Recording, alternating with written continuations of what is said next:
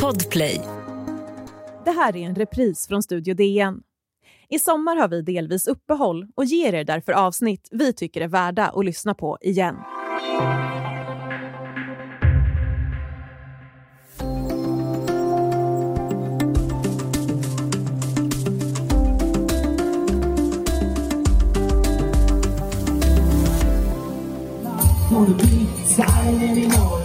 Gonna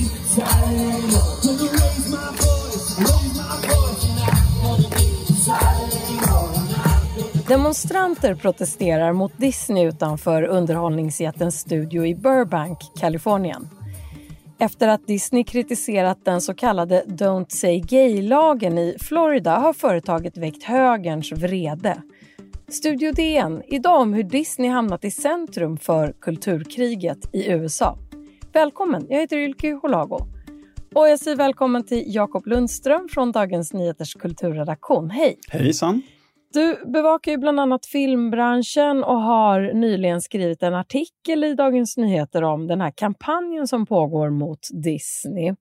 Och Disney har ju länge betraktats som ett konservativt varumärke men efter att ha då kritiserat den här så kallade Don't Say Gay-lagen i Florida så har konservativa krafter dragit igång kampanjer mot företaget. Till att börja med, vad handlar den här Don't Say Gay-lagen om? Ja, den här eh, så kallade Don't Say Gay-lagen, som är kritikernas benäm benämning på den här lagstiftningen, är ju, den stipulerar att varken sexuell läggning eller könsidentitet får förekomma i undervisningen från förskola upp till årskurs 3. Eh, och man får ju sätta den i, i kontext kring, eh, för det finns en rad olika konservativa lagförslag och censur i olika republikanska delstater ju, där just hbtqi-personer är måltavla, men det gäller även då rätten till abort. Eh, och det handlar mycket om inskränkningar av transvård, men också då skolväsendet där man då inte vill citat korrumpera barnen, utan eh, eh, de ska då skyddas från det som ja, ofta kallas då för grooming, att man sammankopplar det här då att det skulle förekomma annan eh, sexualitet än hetero eller att det skulle diskuteras trans skulle då vara ett sätt att grooma barn, alltså att eh, indirekt och under, eller underförstått så är det då att lärarna skulle vara förövare eller pedofiler. Och hur blev Disney en del av debatten om den här lagen?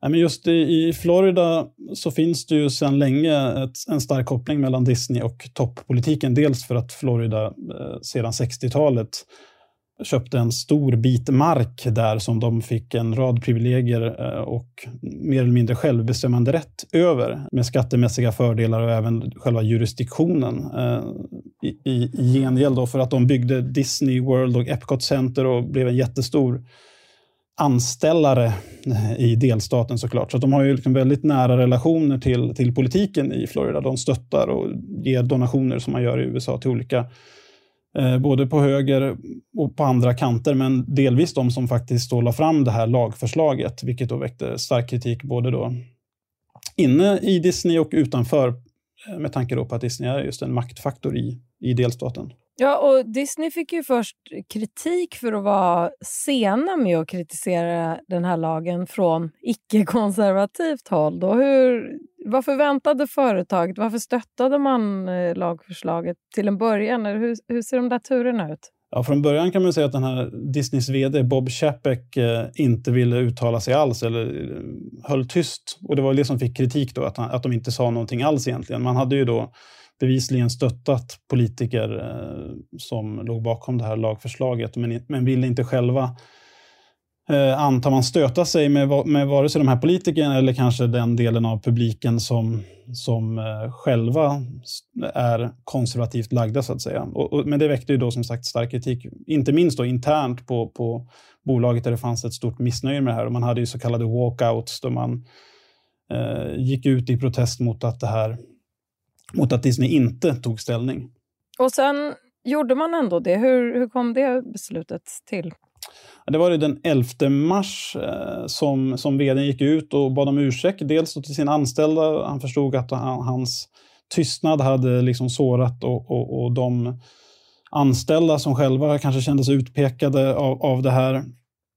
Eh, men också då att Disney ska vara en inkluderande plats och en trygg miljö för alla alla barn och alla familjer är ju tanken då. Med tanke på att Disney har ju, som, som du tidigare sa, det varit konservativt haft ett konservativt varumärke har väl det fortfarande. Själva idén, det är ju liksom definitionen av mainstream. Man vill inte stöta sig med någon egentligen. Eh, Medan nu då som den här Disney-forskaren som jag pratade med i min artikel, Sabrina Mittermeier, påpekar så är ju då att det inte går att vara familjevänlig citattecken då, eh, på 2020-talet och exkludera samtidigt hbtq-familjer. Det är ju samkönat äktenskap är ju lagligt i USA och liksom det är en, en kanske minst lika betydelsefull del av Disneys publik som eh, de mest eh, hårda och inskränkta Trump-supportrarna. Så om vi bara då står vi där. Eh, Disney har tagit avstånd till slut eh, efter flera turer från den här lagen och då drar det igång en kampanj. Hur, hur började den här protestkampanjen mot Disney?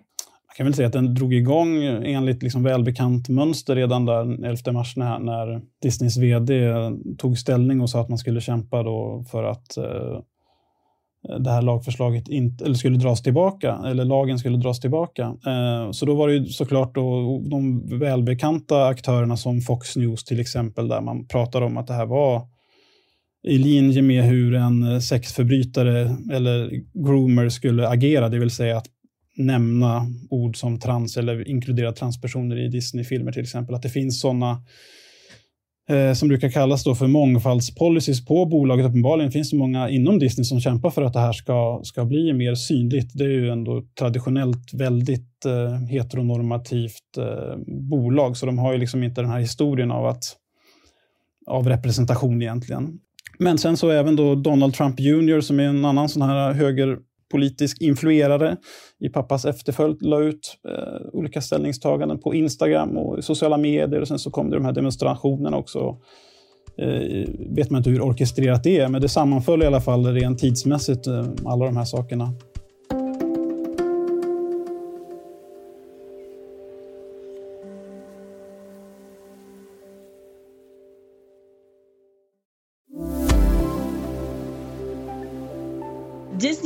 LLC is clearly no longer interested in being this guardian of innocence.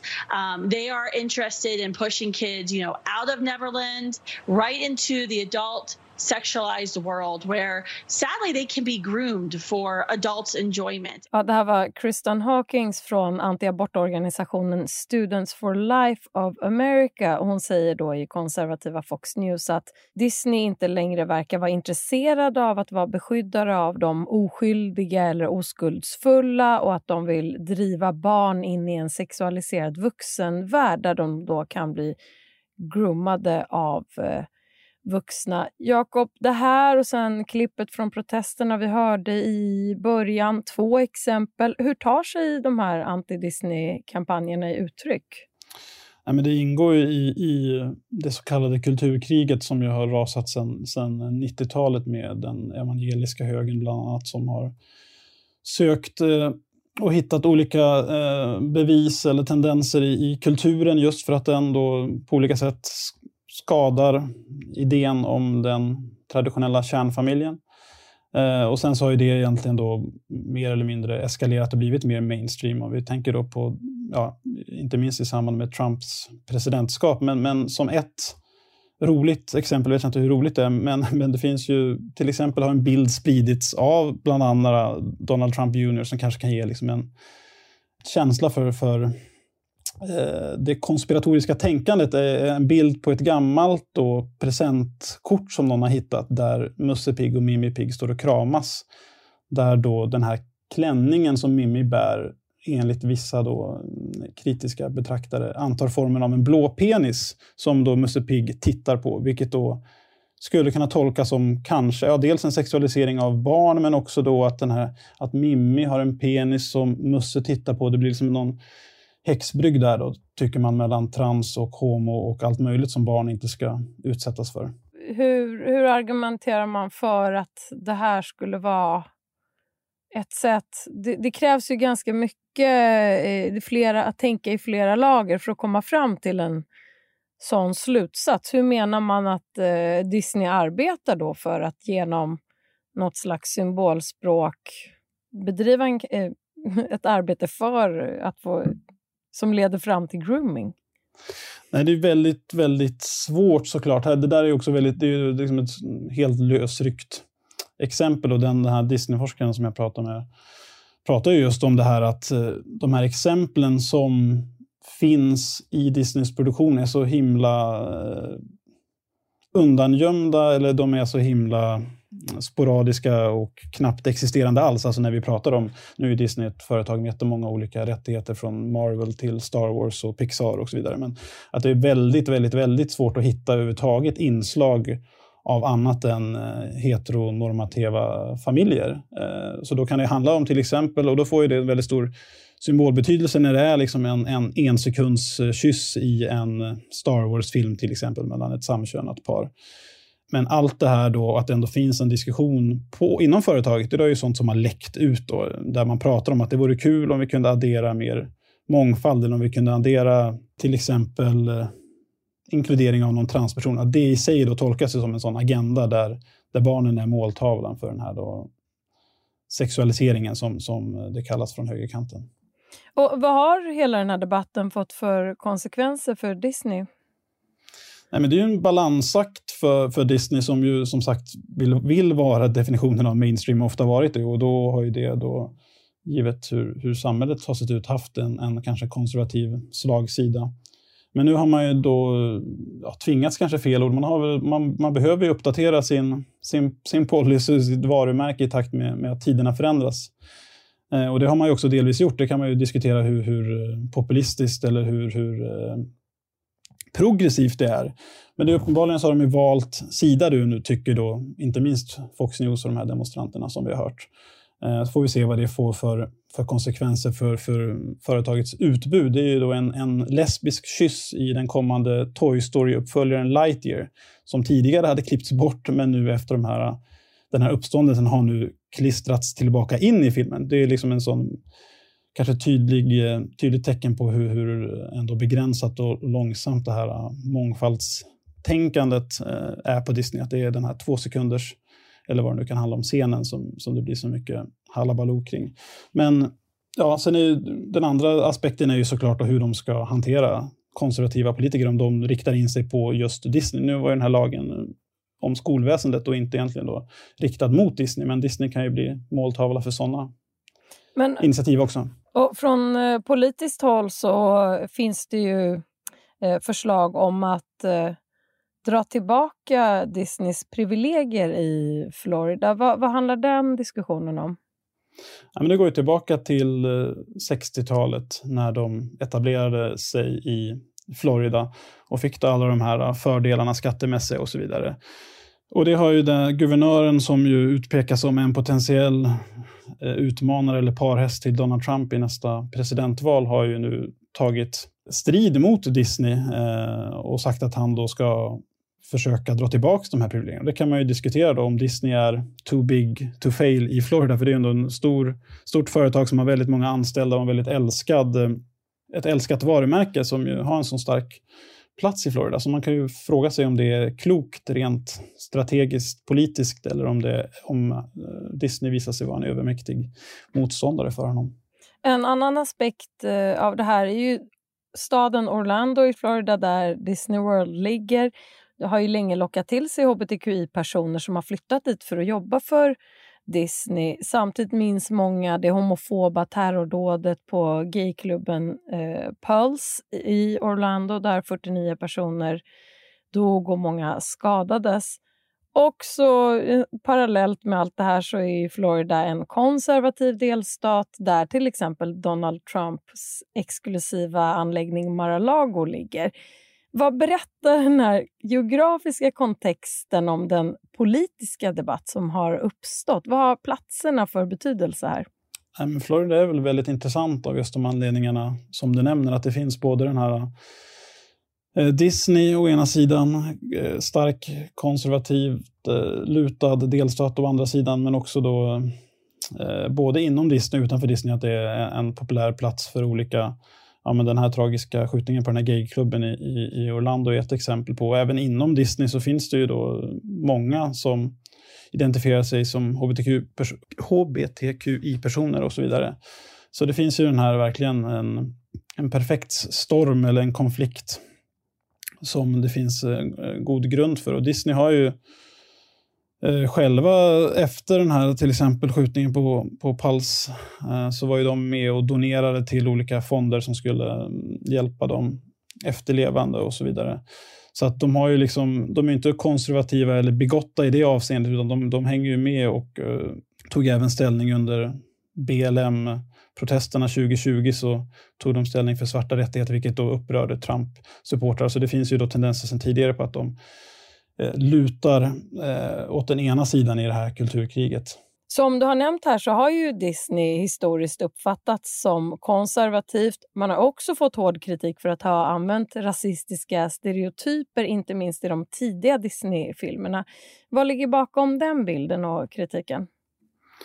Nej, men det kan man ju lätt konstatera bara genom att titta tillbaka på, på filmhistorien att det har sett ut så. Det är ju inte Disney är inget undantag i det avseendet, men det finns olika politiska eller ideologiska dimensioner av Disneys historia, inte minst via grundaren Walt Disney, eller en av grundarna. Han var ju själv aktiv i förföljelsen under McCarthy-eran eh, av eh, människor med eh, verkliga eller påstådda vänstersympatier och, och vittnade i kongressen om det. Och, och eh, så, så det finns ju den här konservativa bilden av Disney även i det avseendet.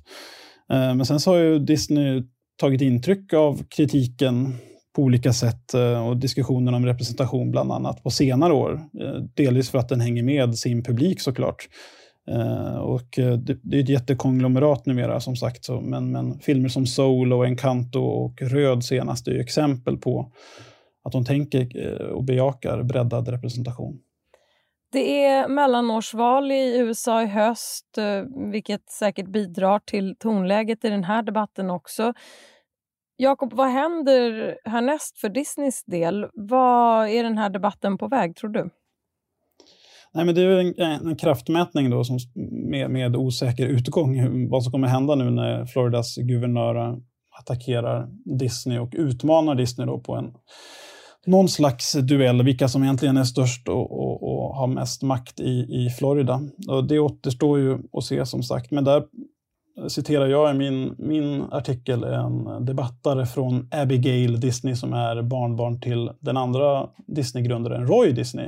Och hon pratar ju då mycket om att det här, den här backlashen som man har kunnat se här från högen till stor del är eh, ett monster som Corporate America, som hon säger, själva har skapat med sina donationer till olika politiska krafter där man egentligen främst då har tänkt på sina egna eh, fördelar på olika sätt, skattemässiga eller andra, men kanske inte har tänkt så mycket på vad de här politikerna representerar för värderingar. Och allt det här vi har pratat om kan vi förstås eh, läsa mer om i din artikel som finns på dn.se.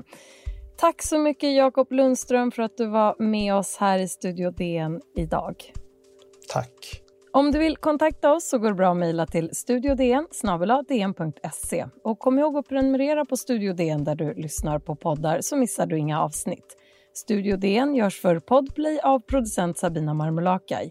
Ljudtekniker Patrik Miesenberger, teknik Jonas Lindskov på Bauer Media och jag heter Ylky Holago.